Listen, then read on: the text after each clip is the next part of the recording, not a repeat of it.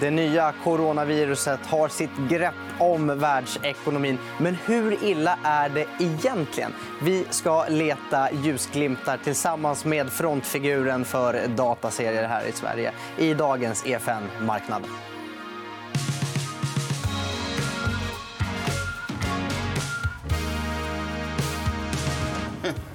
Frontfiguren för dataserier, alltså Jonas Thulin. Du känner ingen press över det? va? Absolut inte. Nej.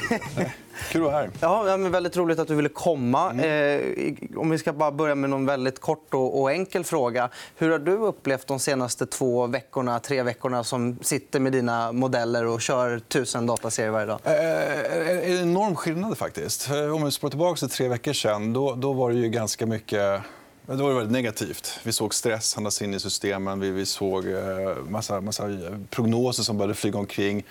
I kan jag tycka att de var ganska o- osubstantiella. Alltså, vad har man byggt det på egentligen?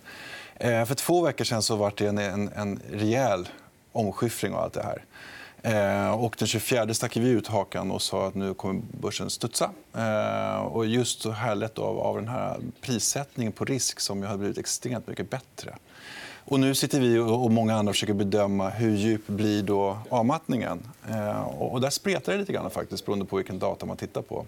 Hur gör man när man försöker, försöker bedöma det, hur djupt det ska bli? Man får, måste till att börja med ta bort all månadsstatistik och egentligen bara fokusera på den makron vi får dagligen eller veckovis. Eh, och, och sen så kan vi egentligen lägga prognosen i ena vågskålen och sen så kan vi börja då köra tick the box på med hur mycket ser vi som faktiskt validerar de här prognoserna. Säg att vi har en, en, en hypotes om minus 20 till 30 i Q2 exempelvis i amerikansk kvartalstillväxt.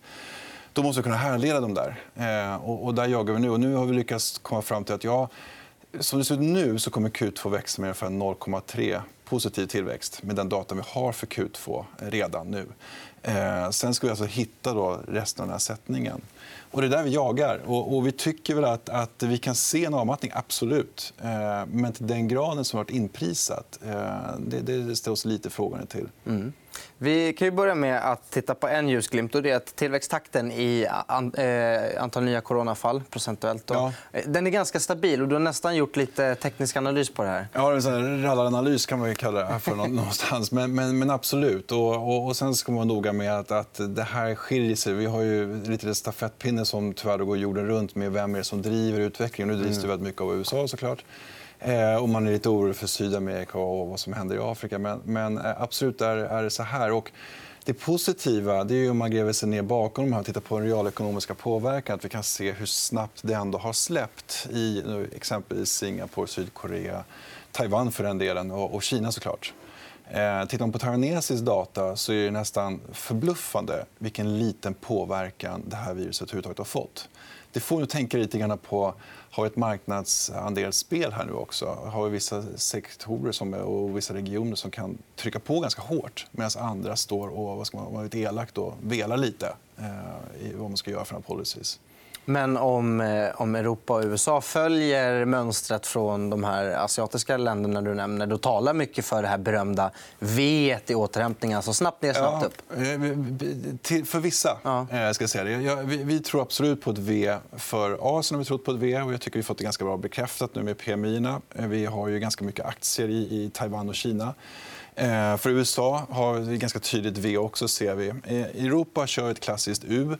Det som ska ta ungefär ett kvartal i USA räknar vi med nu ungefär kommer ta fem till sex kvartal i Europa. Och det är helt enkelt bara på hur vi har de sociala systemen uppbyggda. Och är man proaktiv eller reaktiv i sina policies? USA har ju varit nästan med, med, jag tror man kan få en diskussion om ett halvår, nio månader att man kanske varit för proaktiv. Man skjuter ut extrema volymer i marknaden eh, och i ekonomin.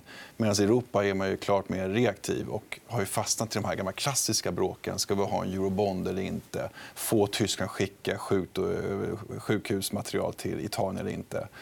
Och så vidare. Och så vidare. Vilket man ju förbjöd och sen lättade upp. Så att man, man, man har två helt olika sätt att se på det här. Vilket ju marknaden är ganska krassis och röstar med fötterna. Eh, Och vi kan ju bara för att hjälpa tittarna lite säga det att ett U är alltså när återhämtningen går lite långsammare än Ja. ett V. Då går snabbare upp Precis. igen. Man tänker sig bokstaven fram. Och det värsta som finns här är ett L, eller till och med ett badkar då, där man Mm. ramlar ner på botten och så ligger man där och, kommer inte upp igen. Eh, och det, det ser vi kanske inte för Europa. Men, men det är just nu, och det här ändras ju såklart, det får man vara ödmjuk inför. Men som det ser ut just nu så har vi extrem utmaning i Europa på grund av vilken typ av samhällskontrakt vi har mm. mellan, mm. mellan olika parter. Och det är väl så lite grann, både kinesiskt och amerikanskt, om man ska bli en sån ekonomhistoriker här, har ju helt andra system. och De fungerar ju bättre vid exogena chocker. Så enkelt är det någonstans. Eh, Medan vi har ett mycket bättre system i andra typer av nedgångar. Men just i en sån här chock så hamnar vi eh, på efterkälken. Varför då?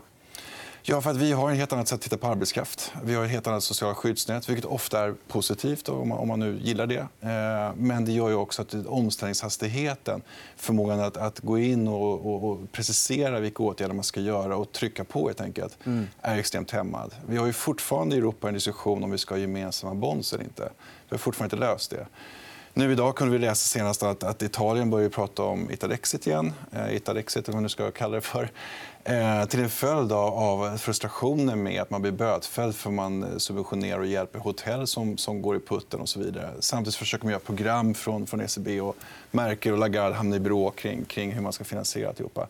Eh, det, det är bara en konsekvens av, av systemet vi har. Helt enkelt. Mm. Eh, vi går vidare och eh, blickar mot USA och tittar på BNP där. Och det här är en väldigt lång tidsserie, eh, ända sedan mm. 1980. Men om vi tittar allra, allra längst ut till höger, där vid 19 och 20 så ser vi en liten prickad linje längst ut. och Det är vad börsen har prisat in i amerikansk BNP. om jag förstår det rätt. Ja, exakt. exakt. Eh, ungefär som 87, 88 där, så ibland blir det tokfel. Eh, och, och det är inte så att det ska bli tokfel den här gången, men, men det, börsen är ju var den är någonstans. Här. Och jag brukar säga det, det är sällan vi går från att gå in, precis en boom som vi gjorde nu under Q1. Det skulle bli extremt starkt kvartal. Vi har både produktionsdata och husdata som pekar på det, även konsumtionsdata för att sen då gå in i en bast nästan direkt i Q2. Så det är en unik period. absolut. Men här kan vi också konstatera att det här BNP-fallet eh, har ju också Fed svarat på. Att Fed sänker räntan där man är nu motsvarar ungefär en, en, en minus 0,5 till 1 tapp i årstakt i BNP. Eh, sen har vi gjort mer till såklart, med olika stimulanser. Men det är det som ligger i, i fatet. Och nu pratar vi årstakt. Mm. Kvartalstakt då pratar vi helt andra siffror.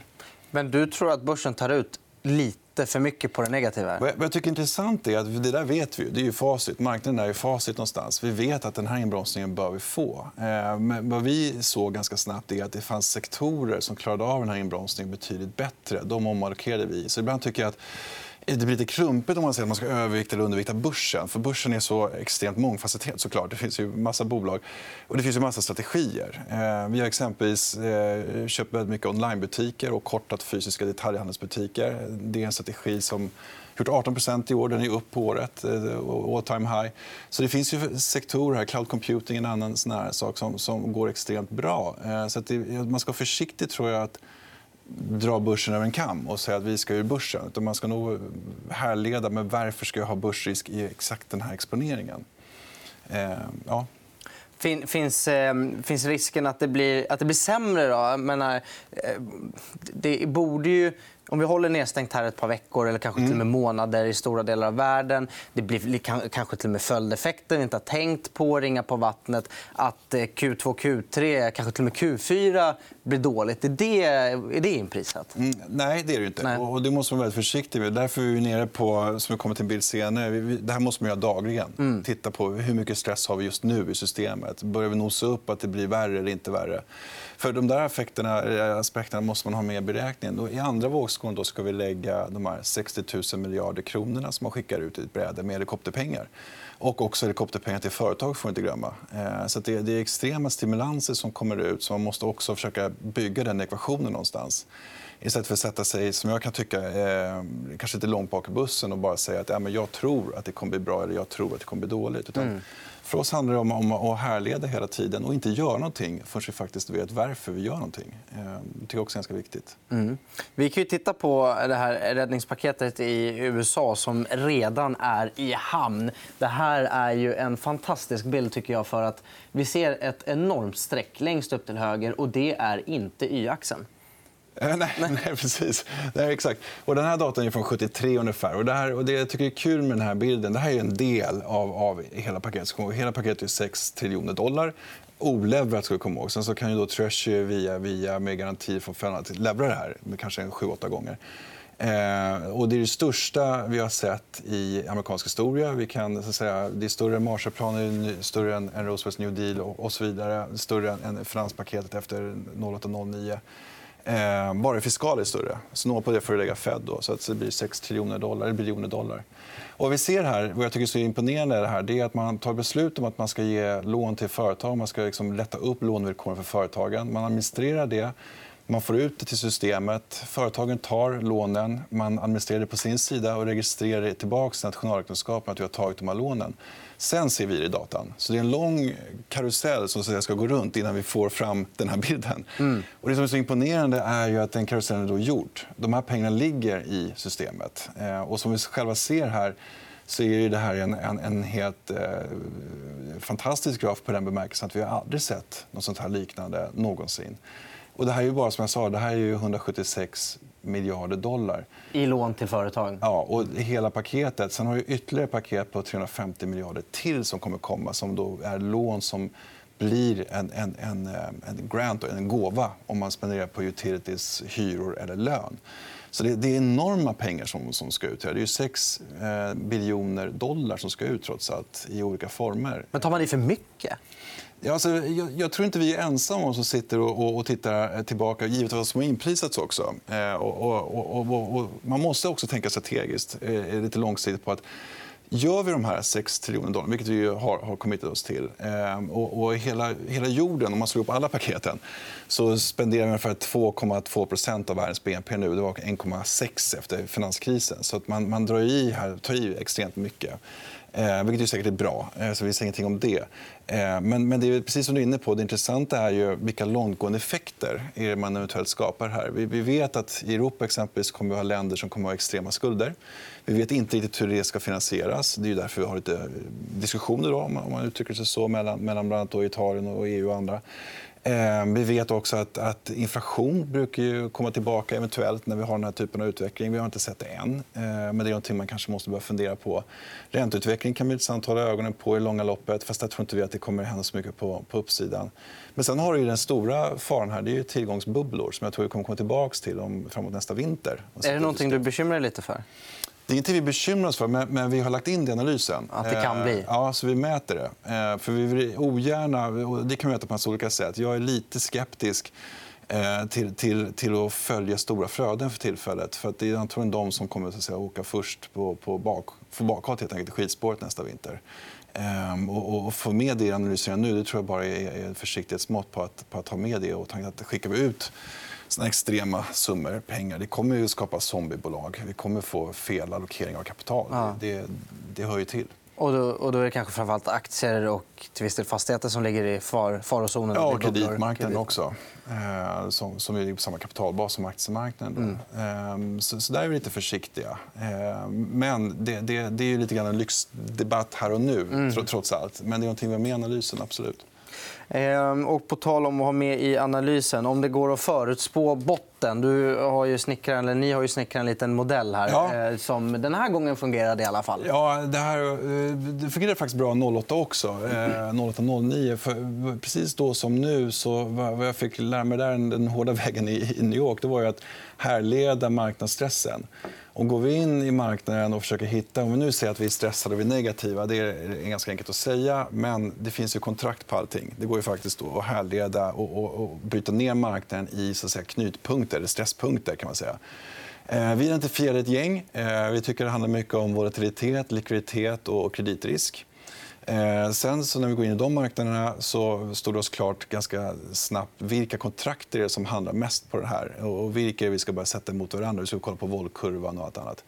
Vi la in dem, det är ungefär åtta datapunkter, eh, bland annat också om marknaden är lång eller kort, gamma, hedging och annat eh, i en rullande regression. Eh, och det har ni den svarta linjen här. Och när den studsade upp här den 18 då avbröt vi eh, vårt hedgeprogram som vi har haft i portföljerna. Eh, och sen den 24 eh, så, så gick vi ut med att, att börsen skulle studsa. Och det var ju en lyckosam timing den här gången. Men min poäng här är att det är den här typen av villkor eller data som måste surna till igen för att vi ska liksom få nästa steg neråt. Och kommer den, då hanterar vi den.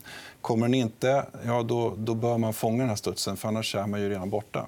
Som jag sa innan sändningen, där, minns de tio bästa dagarna var tionde år sedan 1930 de har tappat 11 000% i avkastning. Så mm. det är ju att missa uppdagarna är betydligt mer dramatiskt för en långsiktig utveckling av portfölj än att fånga nedsidan. Så att säga. Och, och därför kan väl ett, ett litet tips vara att om man vill hålla det väldigt enkelt och inte känner sig bekväm med att eh, hedga portföljen i rätt tillfälle, dra ner risken i rätt tillfälle så är det bättre att bara åka med. För annars är risken att man missar de här uppstudsarna. Ja, jag tycker det. Ur tillgångsallokeringsperspektiv är det, ganska, kan säga, det är lite populärt när det blir stormigt att man säger att man, man undviker alltihopa. Men, men det finns ingenting som är så dyrt och dåligt för en portfölj som att undvika vid fel tillfälle och missa uppsidan.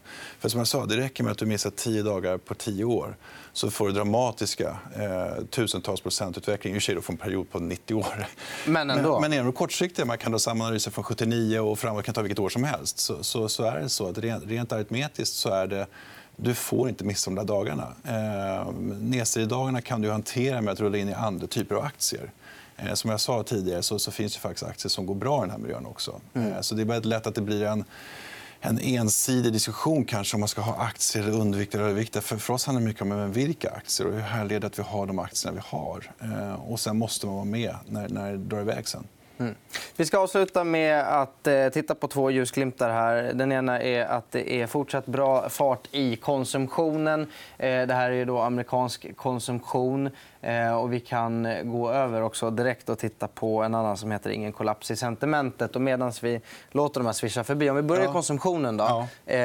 Den har ju hållit konjunkturen lite under, under vingarna nästan ja. på slutet. Och där har vi ingen kollaps än. Och det är väl väldigt tur, höll jag på att säga. Det är extremt bra. Det här är veckodata. Ja. Eh, så det här är från förra veckan. Och än så länge har vi ingen kollaps. Så lite grann som vi är inne på här med vår aktiestrategi också. Det är att vi, vi, vi, vi ska vara försiktiga tror jag, med att dra ett streck mellan fallande börs och fallande konsumtion. Eller att vi nu konsumerar vi mindre på grund av viruset. Vad som händer är att vi kanske konsumerar annorlunda mer än att vi konsumerar mindre. Vi flyttar vår konsumtion från fysiska butiker till online.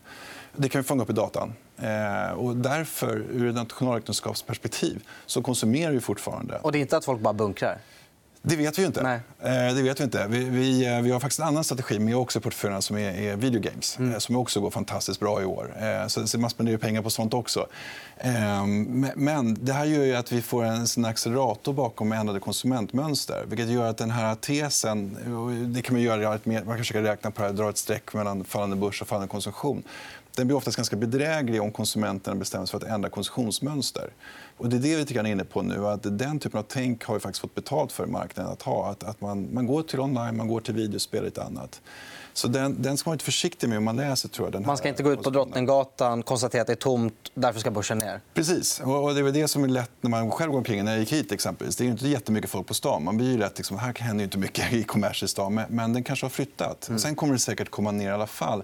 Men vi får inte glömma då, återigen, vi får helikopterpengar, vi har fallande bensinpriser, vi har en ränteläge i USA som gör att många omfinansierar sina hus, som ju dessutom går extremt starkt, husmarknaden. Eh, så det finns många finansieringskanaler för konsumenterna. Mm. Eh, och bara med sig det, när, när det annars är det så lätt att man fastnar i den här totala dystopin. Då.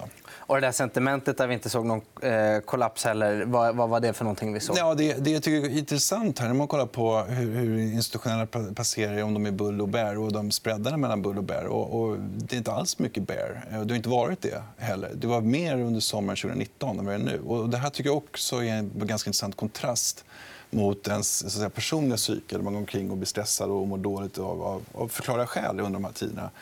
Till att titta på men ur ett kapitalförvaltningsperspektiv på en institutionell nivå. Hur tänker man där? Och så ser man att ja, men där är man inte alls lika stressad eller, mm. eller orolig. Och det är det man måste också med sig här om, om man då försöker översätta sina tankar till marknaden. tror jag. Eh, som blir ganska, ganska stora skillnader ibland. faktiskt. Vi slänger med en bonusgraf också. och Det är centralbankerna som sänker räntan. Ja. såklart. Eh, det här vågar man väl inte fightas emot? Om Nej, det är den här gamla klassikern Don't fight the Fed. I svart där så ser ni antalet centralbanker som sänker räntan. Och, nu är vi och nosar på ungefär 90 stycken som är ute där och, och, och successivt sänker. Om historien om guide här, jag kan gå tillbaka till 00 eller, eller 07. För man, vad man glömmer bort under 08-kraschen så att säga, var ju att den nedbromsningen i ekonomin den började 06-07 så att vi mm. handlade på den. Eh, sen så var det ju väldigt mycket fokus på Lehman av förklarliga skäl. Men man får inte glömma vad som hände under 07. Här någonstans. Och man följde egentligen då med en klassisk släpning eh, vad som hände på centralbanken som tajtade för mycket. Helt enkelt. Och nu om man snabbspårar längst fram till höger så ser vi att börsen har ju fallit ihop då, som, ett korthus lite grann, medan centralbankerna då svarar och, och, och stimulerar. Och, och, och, återigen, eh, med is i magen så kommer börsen få korrigera sig. Och däremot så likställer inte vi is i magen med att man inte gör någonting. Vi är väldigt aktiva i portföljen med att hitta rätt exponeringar, mm. rätt risknivåer. Så där, jag, jag håller med. Att, att, att gå emot centralbankerna är en, en eh, ja, vad ska man säga? Det är en svår sport i alla fall. Det är en svår sport och den har kanske aldrig riktigt lönat sig heller. Nej. Eh, historiska. Mm. Så, eh, sammanfattat så har vi en hel del ljusglimtar faktiskt att ta med oss från dagens samtal. Ja, framförallt när vi tittar på vad vi redan har prisat in, mm. som gick väldigt fort och med den kollapsen. Sen som vi fick det här lugnet i, i kreditrisker, i volatilitet och annat, då kände vi att ja, men nu, nu, nu har vi nått en botten, mm. Eh, för tillfället i alla fall. Och sen så får man då börja ge sig i kast med okay, nu, nu har vi en prognos på de här dramatiska fallen. Kan vi validera dem?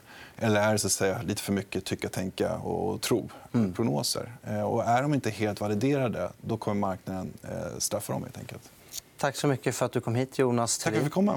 Det var allt vi hade att bjuda på i dagens EFN Marknad. Men vi är ju såklart tillbaka igen imorgon. Då är det Lisa Synning som gästar. Då blir det Emerging Markets. Tack så mycket.